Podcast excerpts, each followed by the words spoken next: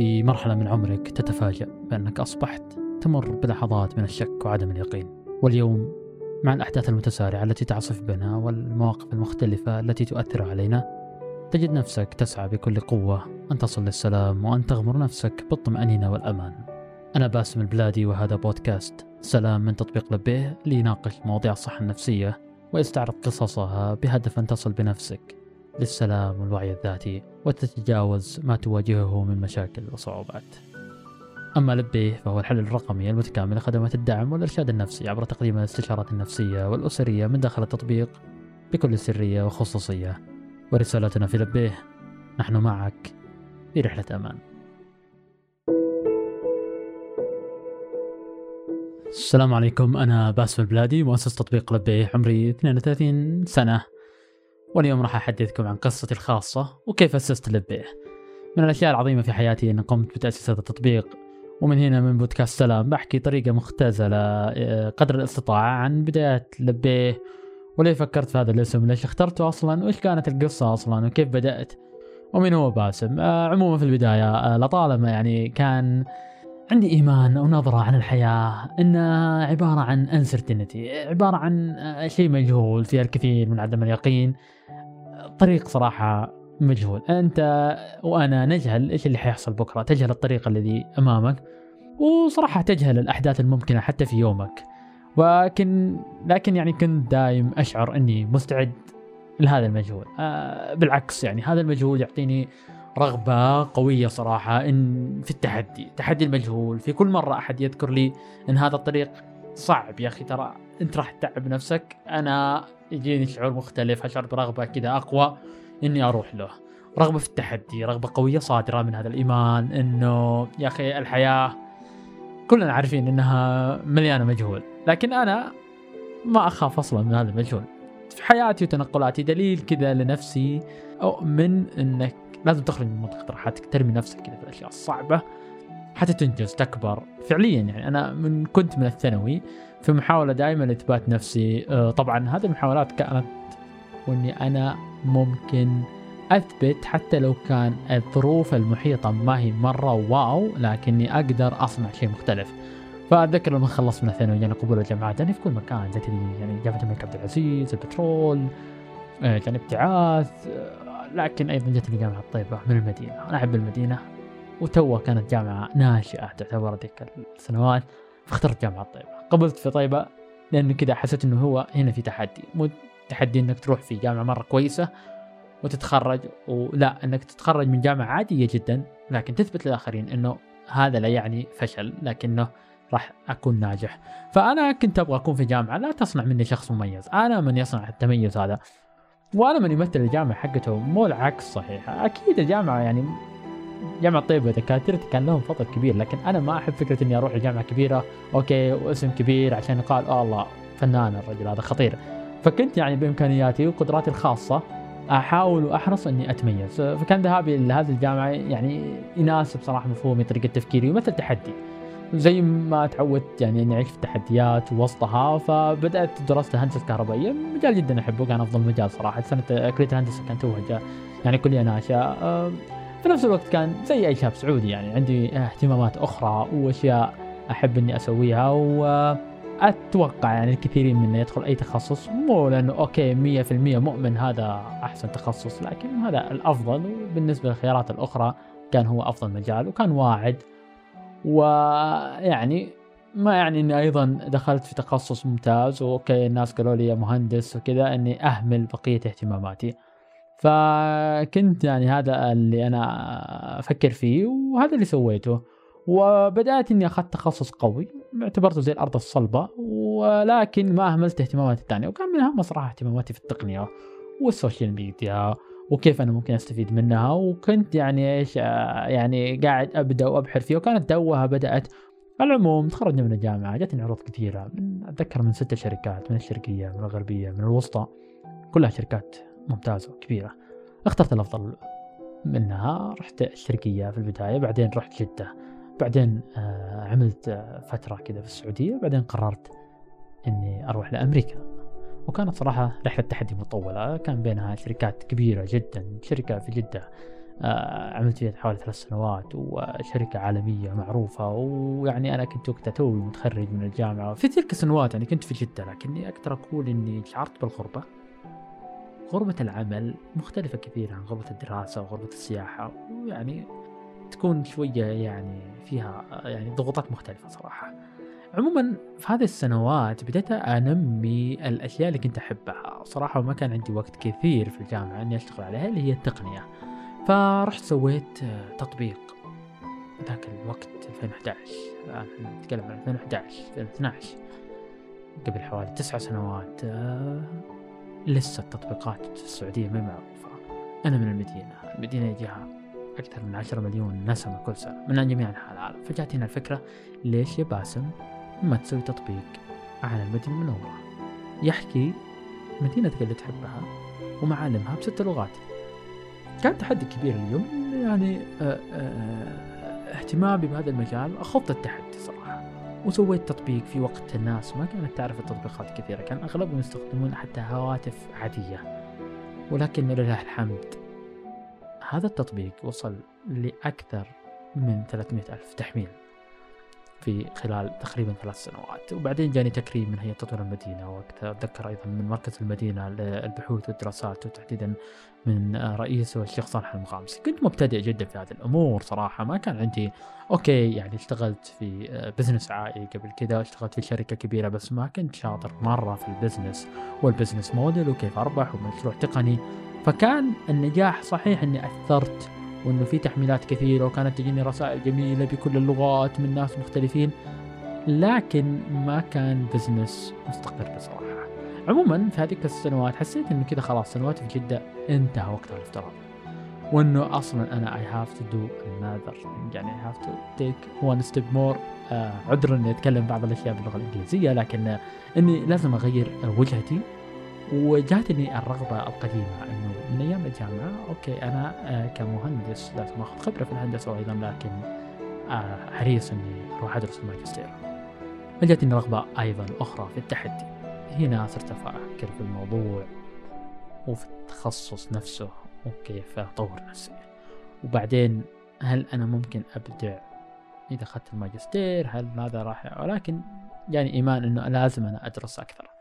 وبعدين جاني موضوع الشغف خفت انه يطفي ولكن أو إني اخترت يمكن تخصص غلط لكني أخيرا قررت إني أدرس تخصص يعني بين الهندسة والإدارة وإدارة المشاريع واللي هو engineering management وأروح ادرسه في أمريكا. ممكن كان يناسب شخصيتي ورغبتي في التواصل وفي العلاقات أيضا في الهندسة وإدارة المشاريع وإدارة فرق العمل.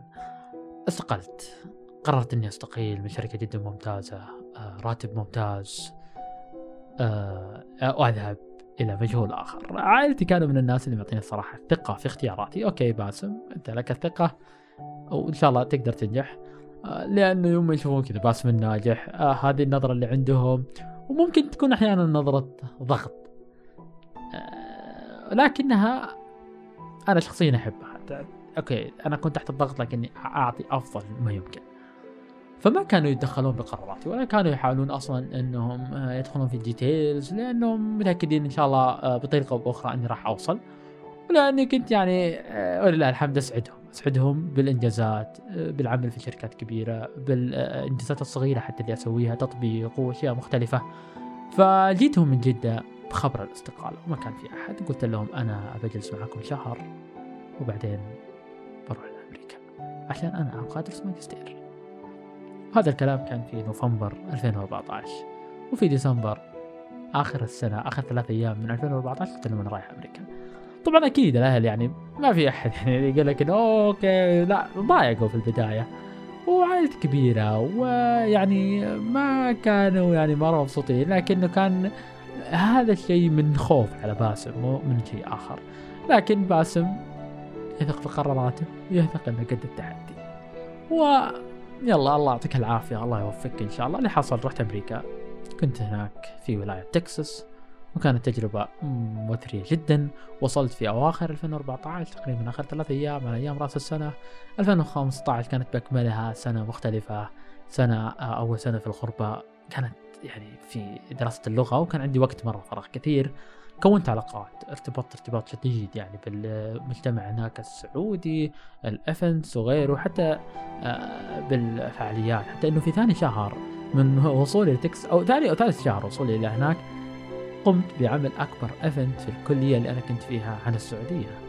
وكان من أكبر الاحتفالات اللي قامها يعني قامها النادي السعودي والحمد لله تم تكريمي من الملحقية وما زلت احتفظ بالشهادة. بعدها بدأت إني يعني مع بعض الأصدقاء نعمل بعض ال business بشكل بسيط مثلا في السيارات في بيع بعض الأشياء وكانت تجربة ممتعة وشعور جميل. إني أنا أصلا أحب ال business وأحب أشتغل عمل جانبي بصراحة. بعد هذه السنة الرائعة يعني الحمد لله حصلت على الماجستير وبدأت أيام دراستي الأولى كان عندي صديق رائع يعني تعرفت عليه هناك اسمه ريس وهو من أمريكا ومن تكساس يعني نفسها. وال event هذا هو اللي عرفني عليه وكان يعني من الأشياء المشتركة بيننا إنه هو يحب الثقافة العربية مرة بشكل كبير. و آه، يعني كان حتى يتحدثها آه، يتحدث اللغة العربية وكان ياخذ كورس فيها. فشافني كذا وتكلم معايا وبدأنا يعني نتعرف على بعض. وصراحة كان بيننا صداقة قوية وبعدين تعرفت على المجتمع اللي هو فيه. وريس صراحة صديق جدا وفي إلى اليوم هذا حتى إلى إنه زارني في السعودية. لكن من هنا تبدأ الحكاية. الحكاية اللي سببت تغيير في حياة باسم سببت إنه يكون في تطبيق اسمه لبيه في بداية 2016 يوم الفلنتاين ما أنساه 14 فبراير قررنا أنا وريس ومعي ثلاثة من الزملاء ثلاثة أمريكان واثنين سعوديين ورئيس اللي هو رابعنا أو آه، سادسنا. آه، أننا نروح في إلى المزرعة مزرعة ريس في الريف تقريبا ساعة ونص عن المدينة.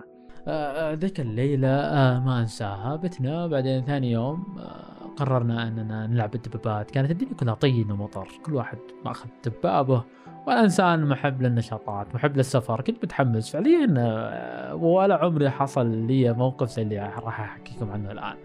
فلما جيت ألعب بالدباب كل واحد منا راح بجهة بأقصى سرعة سرعة جنية صراحة. كان في زي التله موجودة أمامي طار منها باسم. طحت انقلبت تقلبت يمين يسار الدباب فوقي. أنا ما أذكر أصلا إيش اللي صار لي. لكن قمت كذا من تحت الدباب قاعد أشوف إن جسمي كله دم ما أعرف هذا الدم خرج من وين من اليمين من اليسار من راسي أنا ما أعرف أموت احيا اللي كنت اعرف إني فقدت الشعور. شوي شوي بديت أحس الألم في يدي في رجلي في راسي في الاذن بدأ الألم على طول. اخذوني المستوصف كان قريب من المزرعة. المستوصف جدا بسيط يعني ما في أي حتى إمكانيات. آه، شافوني على طول قالوا هذه الحالة جدا صعبة. لازم نحولك للمستشفى المركزي في دالاس تكساس آه، اللي تبعد عن اللي في مدينتي مدة ساعة ونص تقريبا. الشعور كان مرة صعب شعور غريب شعور عجز مرض تعب. ما في أحد حولك كان مرة صعب إنك ممكن تموت وأنت بعيد. وقتها يعني كذا الدنيا دارت فيها الغربة حسيتها أنا أوكي كنت حسيتها في السعودية عشت في الرياض الشرقية في الغربية لكن ما كانت الغربة اللي زي الآن قاعد أشعر فيها. كان شعور غربة يق يعني يمكن أسوأ من حالته الصحية. كانت صعبة اللحظة جدا. طبعا على طول قالوا أن حالتك تحتاج تدخل سريع. والتدخل السريع يعني مو إسعاف يوديك المستشفى لا. لازم تروح بالهليكوبتر.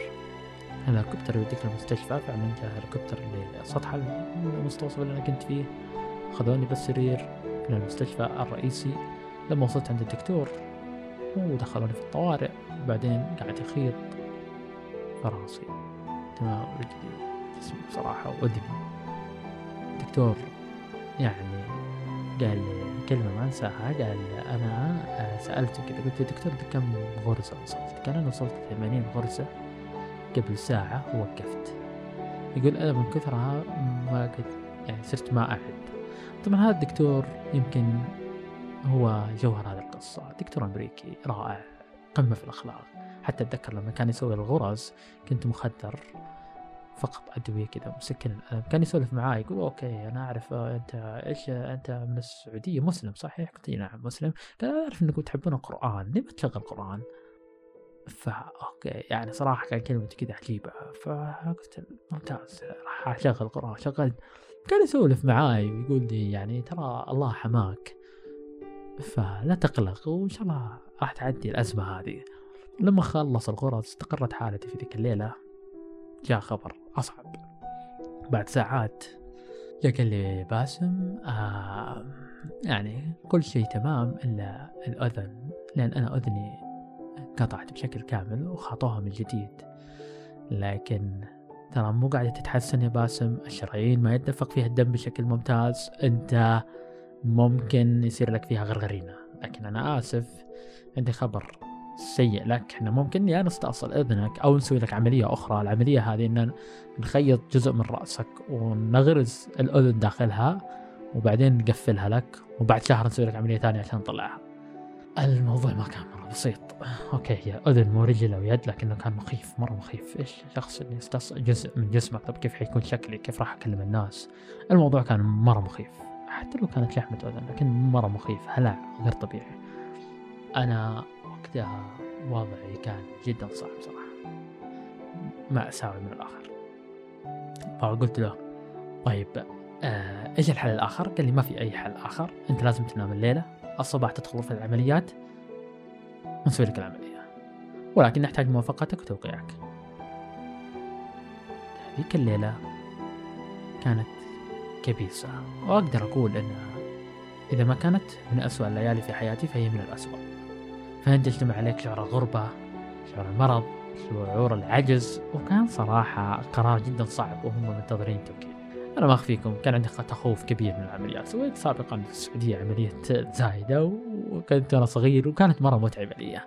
فما كنت أتوقع أني ممكن أدخل غرفة عمليات مرة ثانية. ما بالك غرفة عمليات بعيد عن الأهل والاستئصال جزء من جسمك أو إعادة تنميه بطريقة مرة مخيفة. وعمليه جدا صعبة حتى هو قالها لي. فكان لازم في قرار توقيع ولازم نسوي هذا الموضوع. أتذكر إني تواصلت مع واحد من إخواني آه، عشان يكون عنده بس إنه ترى راح يصير لي واحد اثنين ثلاثة قلت له لكن أتمنى إنك ما تبلغ أهلي كلهم ولكن إن شاء الله إذا كانت الأمور تمام في زملائي اللي أنتم تعرفونهم عندكم أرقامهم تواصلوا معهم وكان بعضهم معايا. عموما وقعت الورقة والقرار كان جدا صعب. من خوف العملية وحشة الغربة هذيك الليلة كانت ليلة مأساوية ولا أتمنى أنها تمر على أي أحد. صباح اليوم الثاني. خايف قلقان لكن جاني ذاك الدكتور وجهه مستبشر. مختلف وجهه ما هو نفس الوجه اللي جاني في الليل. وجه آخر تماما يوم 15 فبراير 2016 فجاء قال لي باسم I think God bless you. قلت إيش معناه؟ إيش قاعد تقول انت؟ قال يعني ترجمة الكلام هذا إنه ربي آه، يعني آه، بارك في روحك وأكرمك. قال شوف اسمع هناك حل آخر غير العملية. لكن الحل هذا أول مرة ترى بنطبقه في المستشفى ولكن في الولاية كمان تقريبا أول مرة. قلت إيوه أنا موافق إذا ما كان عملية. قال العلاج هذا علاج بالدود اسمه leeches therapy قلت إيش؟ okay أنا ما أبغى أسوي يعني عملية لكن إنه علاج بالدود هذا الدود كان كذا نوع من الدود لونه أسود لزج صغير قدر أنملة يوضع على المنطقة اللي مطلوبة يمص الدم الفاسد ينشط الشرايين ويخلي الشرايين الدم يتدفق بعد امتصاصه لها فيعود هذا العضو للحياة. الدكتور كان عنده كذا حماس رهيب وغريب إنه يجربها تجربة جديدة أول مرة يسويها في حياته أول مرة في المستشفى راح يكون شيء خرافي. أنا بدون تردد قلت له اسمع دكتور أنا موافق. أي شيء يفكني من هذه العملية أنا رايح أسويه. فعليا بدأنا العلاج. وكان وقتها أنا في العناية المركزة و24 ساعة في ممرضة فوق راسي تحط الدود على أذني. والدود هذا يعني يكون صغير كذا قدر أمه زي ما قلت لك ويمص يمص يمص الدم وبعدين تنتفخ الدودة. طيح من الأذن وتشيلها الممرضة وتحطها في زي الكحول تنفجر وبعدها تحط لي دودة ثانية على مدار الساعة يتناوبون علي لمدة أسبوعين. وكانت يعني بعد أيام كذا تقلصت عدد الساعات اللي يحطونها مو على مدار الساعة صار على مدار ساعتين من أربع ساعات. الحمد لله تعالجت أذني تعالجت بشكل كامل. صارت الغرغرينة شيء مستحيل. والاستئصال صار فكرة من الماضي. كانت تجربة نجاح للدكتور اللي امتن أصلا إني أنا وافقت إني اسويها وأنا امتنيت إنه جاب لي حل مختلف كفاني شر العملية وكفاني شر استئصال الأذن أصلا. عموما في هذه الأسبوعين يعني كان في دعم صراحة من الأصدقاء من الجامعة من الزملاء من الطلاب حتى أخوي من السعودية كان دعمه متواصل بشكل يعني مو يعني يمكن بشكل ساعات يعني إخواني كانوا يتواصلوا معايا. لكنها كانت تجربة متعبة. عناية مركزة دود فوق أذنك هدوء المستشفى غربة تعب عجز ما تقدر تتحرك حتى بشيء يعني بشكل جيد. عموما بعد خروجي يعني من العناية المركزة بعد أسبوعين توقعت إني برتاح لكن بدأت العلاج. وبدأت يعني أمشي شوي شوي وبدأ يعني السمع يرجع لي لكنه ما كان نفس السمع اللي أول كان في ضعف وكل شيء صار يرجع على مهله. حاولت أصبر قدر الإمكان. كانت تجربة جدا صعبة. كان في لسه الهلع موجود الخوف القلق. الشهرين اللي بعد هذا كانت صعبة صراحة. كنت لسه في أمريكا ما خبرت كثير من أهلي. لكن في اثنين من أخواني وصلوا عندي وما قصروا دعموني. شهرين كانت أغلبها مراجعات روح وجية محاولة كذا على قولهم نقاهة. كان في شعور في العجز. لا اللي قاعد أكمل يعني أقدر كذا أكمل دراسة ولا إني قادر أستمتع بالحياة أصلا. فلذلك قررت إني أوقف دراستي لأن أصلا ما في حيل. ومن ال يعني كذا شوي الحياة صارت سودة بصراحة. فكنت كاره للغربة كاره للدراسة كاره للحياة وما أنا عارف إيش أسوي صراحة. حاولت إني أرجع لكن الموضوع كذا كان ثقيل علي وصعب. فقراري الأخير كان إني أنسحب من الدراسة وأرجع للسعودية. أرجع للمدينة أرجع لأمي أرجع لأهلي. في منتصف 2016 رجعت لهم لكني رجعت مو باسم المختلف. رجعت تعبان رجعت بدون شهادة رجعت حتى بدون وظيفة. ما حد فيهم يعرف سبب انسحابي قصة التعب اللي فيها لكن لكنهم يعرفون إنه خلاص باسم قرر باسم اللي عنده عناد وهذا اللي صار إنه انسحبت. كان خوفي شديد إنه أهلي يعاتبوني ويحسوني بالطبع بالذنب لكن تعرف بطبيعة الحال إنه دائما الناس ينظرون إنك أوكي هذا ناجح. وفجأة تحس إنك خذلتهم صراحة. خذلتهم بطريقة مختلفة. وأيضا أنا بطبيعتي أحب التحدي. أحب أعيش ودائما أبغى أثبت أصلا للآخرين إني ممتاز وإني رائع وإني نشيط وإني أقدر أسوي الشيء اللي هم ما كانوا يتوقعونه أصلا. ولكن هذه المرة فشلت. وشعور الفشل مؤلم. مؤلم جدا. ما بس إنه فشل لا فشل مع مرض مع عجز. كان الموضوع جدا صعب. طبعا من دخول المستشفى خروجي منها في شهرين ومراجعات أول أسابيع من رجعتي كانت كذا تجيني نوبات كذا أحس نوبات هلع. واللي ما يعرفها إنه تتزاحم كذا أفكار سلبية صراحة في راسك تشعر خدع بقلق. أحيانا نبضات قلبك تزيد النفس يضيق معاك. تشعر إنه ما حد قادر يعني ينقذك. آه، خوف صراحة وقلق جديد وحزن و... وتحس إنك كذا كاره نفسك بصراحة. ويعني كانت عودة صعبة. يعني كأنك كذا عندك آه، آه، صدمة ثقافية بصراحة. ويعني صدمة نفسية حتى. لكن يعني الإنسان محظوظ لما يكون عنده أهل رائعين فكانوا داعمين لي بطريقة خرافية صراحة. داعمين بشكل عظيم صراحة. أوكي أنت ما كملت دراسة لكن نحن ندعمك. و احترموا صراحة قراري. كنت أشوف بعيونهم كذا أو أتخيل هذا الشيء إنه في جواتهم كذا. ليش يا باسم أصلا أنت تعبت نفسك؟ انت عندك وظيفة كويسة كانت أو درست هنا. كانوا يقولوا ليه ما تدرس ماجستير في السعودية؟ لكنك كنت عنيد ليش تهورت؟ ليش كنت متسرع؟ ليه فشلت؟ فكان شعور سيء صراحة ومتعب. عموما هذاك الوقت زي ما قلت لكم يعني من الأشياء اللي ساعدتني أهلي كانوا جدا داعمين ولكن أيضا كان الدكتور الأمريكي اللي سوى العملية اللي جرب علي عدود. هو صراحة صار بيني وبينه ارتباط وثيق بطريقة رهيبة. حتى لما رجعت السعودية ساعدني كذا في استرجاع صحتي الجسدية هناك وهنا حتى صحتي النفسية بطريقة غير مباشرة. كان دائما متواصل معي عن طريق سكايب عن طريق فيسبوك ماسنجر وكان شعوري تجاهه إنه يعني إيش الدكتور الرهيب هذا اللي دائما يتواصل مع مريضه؟ تواصلنا كان رائع وعظيم صراحة. وبعدين ساعدني هذا الشيء إنه okay إنه أتخطى هذه الأزمة. وكان هذه الشرارة اللي ولد منها لبيه من الحادث من عمليتي ومن علاج الدود وأيضا من الدكتور اللي كان يتواصل معايا من بعد 4000 كيلومتر. أنا موجود في السعودية وهو في أمريكا ويتواصل ويسأل ويستفسر. فكان أسئلته توجيهاته تواصله له أمر كبير معايا. صحيح هو مو طبيب نفسي لكنه هو أثر معايا أثر في نفسي بشكل جدا كبير. كان كلامه بيننا وبينه يعني صراحة عشرات الآلاف من الكيلومترات ومع ذلك قدر يساعد باسم. وهناك آمنت بأهمية التواصل.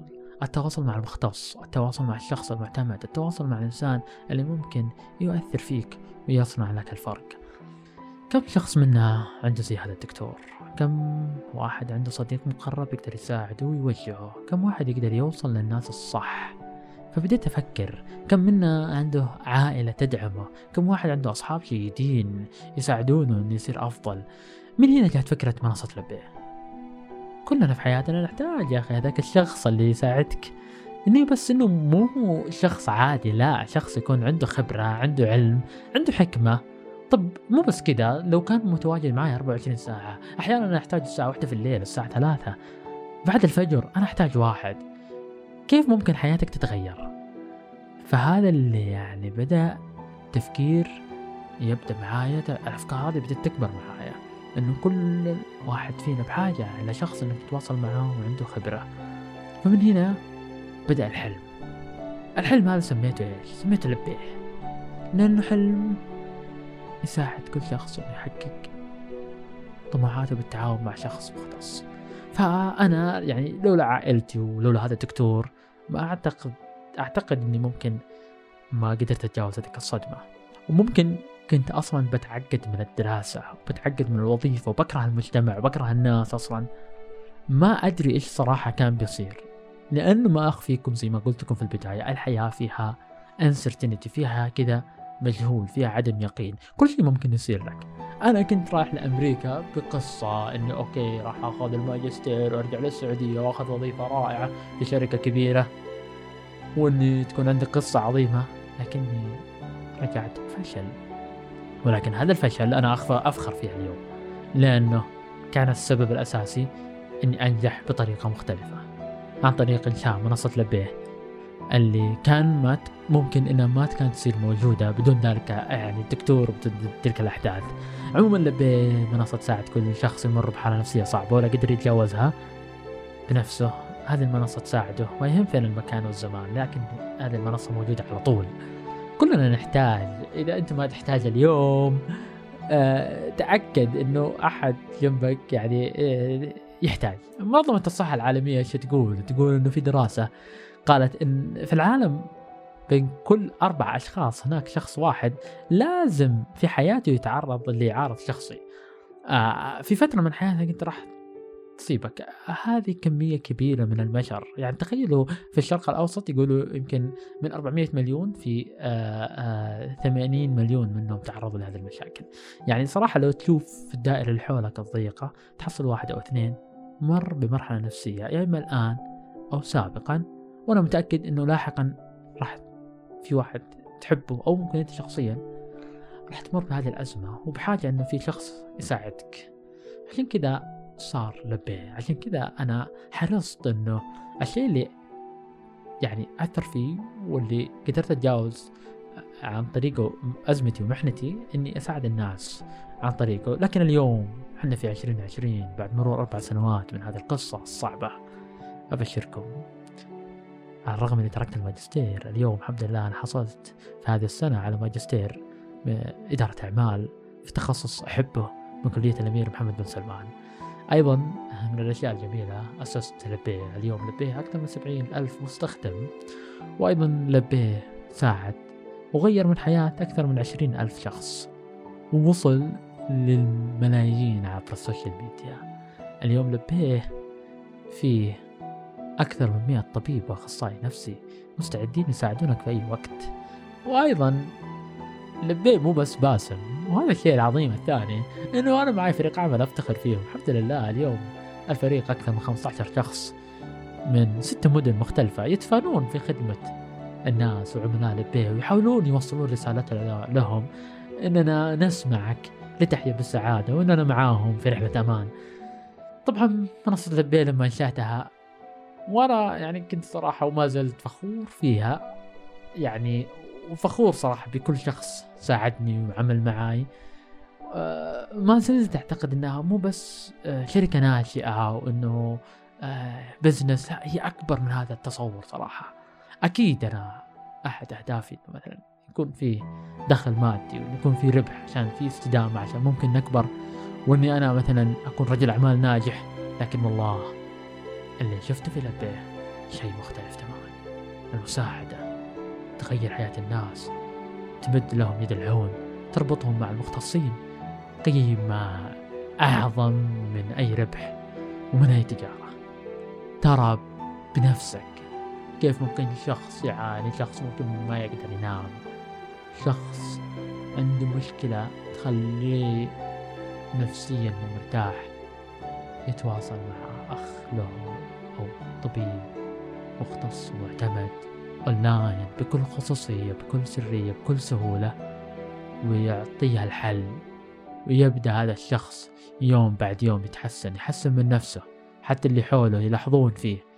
لما تجي تصحى بعد الفجر. تفتح إيميلك تحصل رسالة. شكرا لكم. تطبيقكم غير من حياتي. لما يجي عميل يتصل على خدمة العملاء يوم والثاني والثالث يقول أنا بكلم المدير. أنا بتواصل مع الرئيس.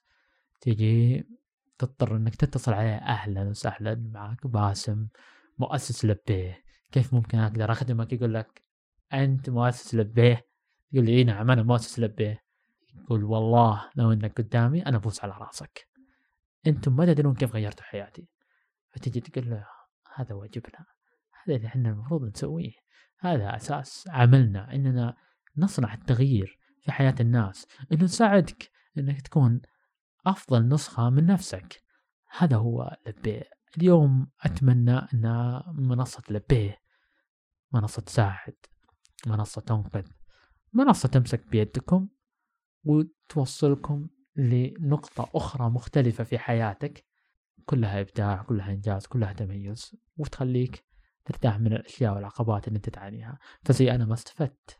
من الدكتور وكان حولي أشخاص يساعدوني وقدموا لي الإرشاد وكان حولي عائلة رائعة داعمة وحاليا صرت أحلامي اللي كنت أحلم فيها واقع أرغب إنه أنت اللي تسمعني وأنت اللي تسمعيني واللي حولكم واللي تعرفونهم إننا مع بعض نغير حياتنا للأفضل للأحسن للأجمل.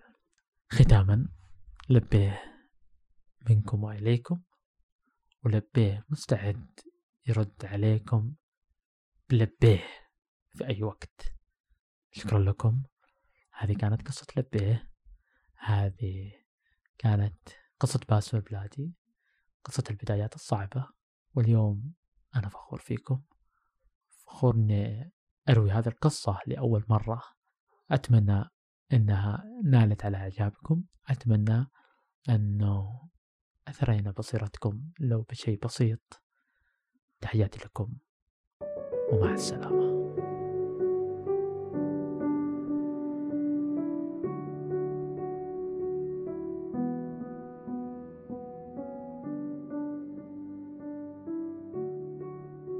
في الختام شكرا لاستماعكم وأتمنى أن الحلقة حازت على إعجابكم. شاركوها مع من تحبون ولا تنسوا بأن نلبيه معك في رحلة أمان ونحن نسمعك لتحيا بالسعادة.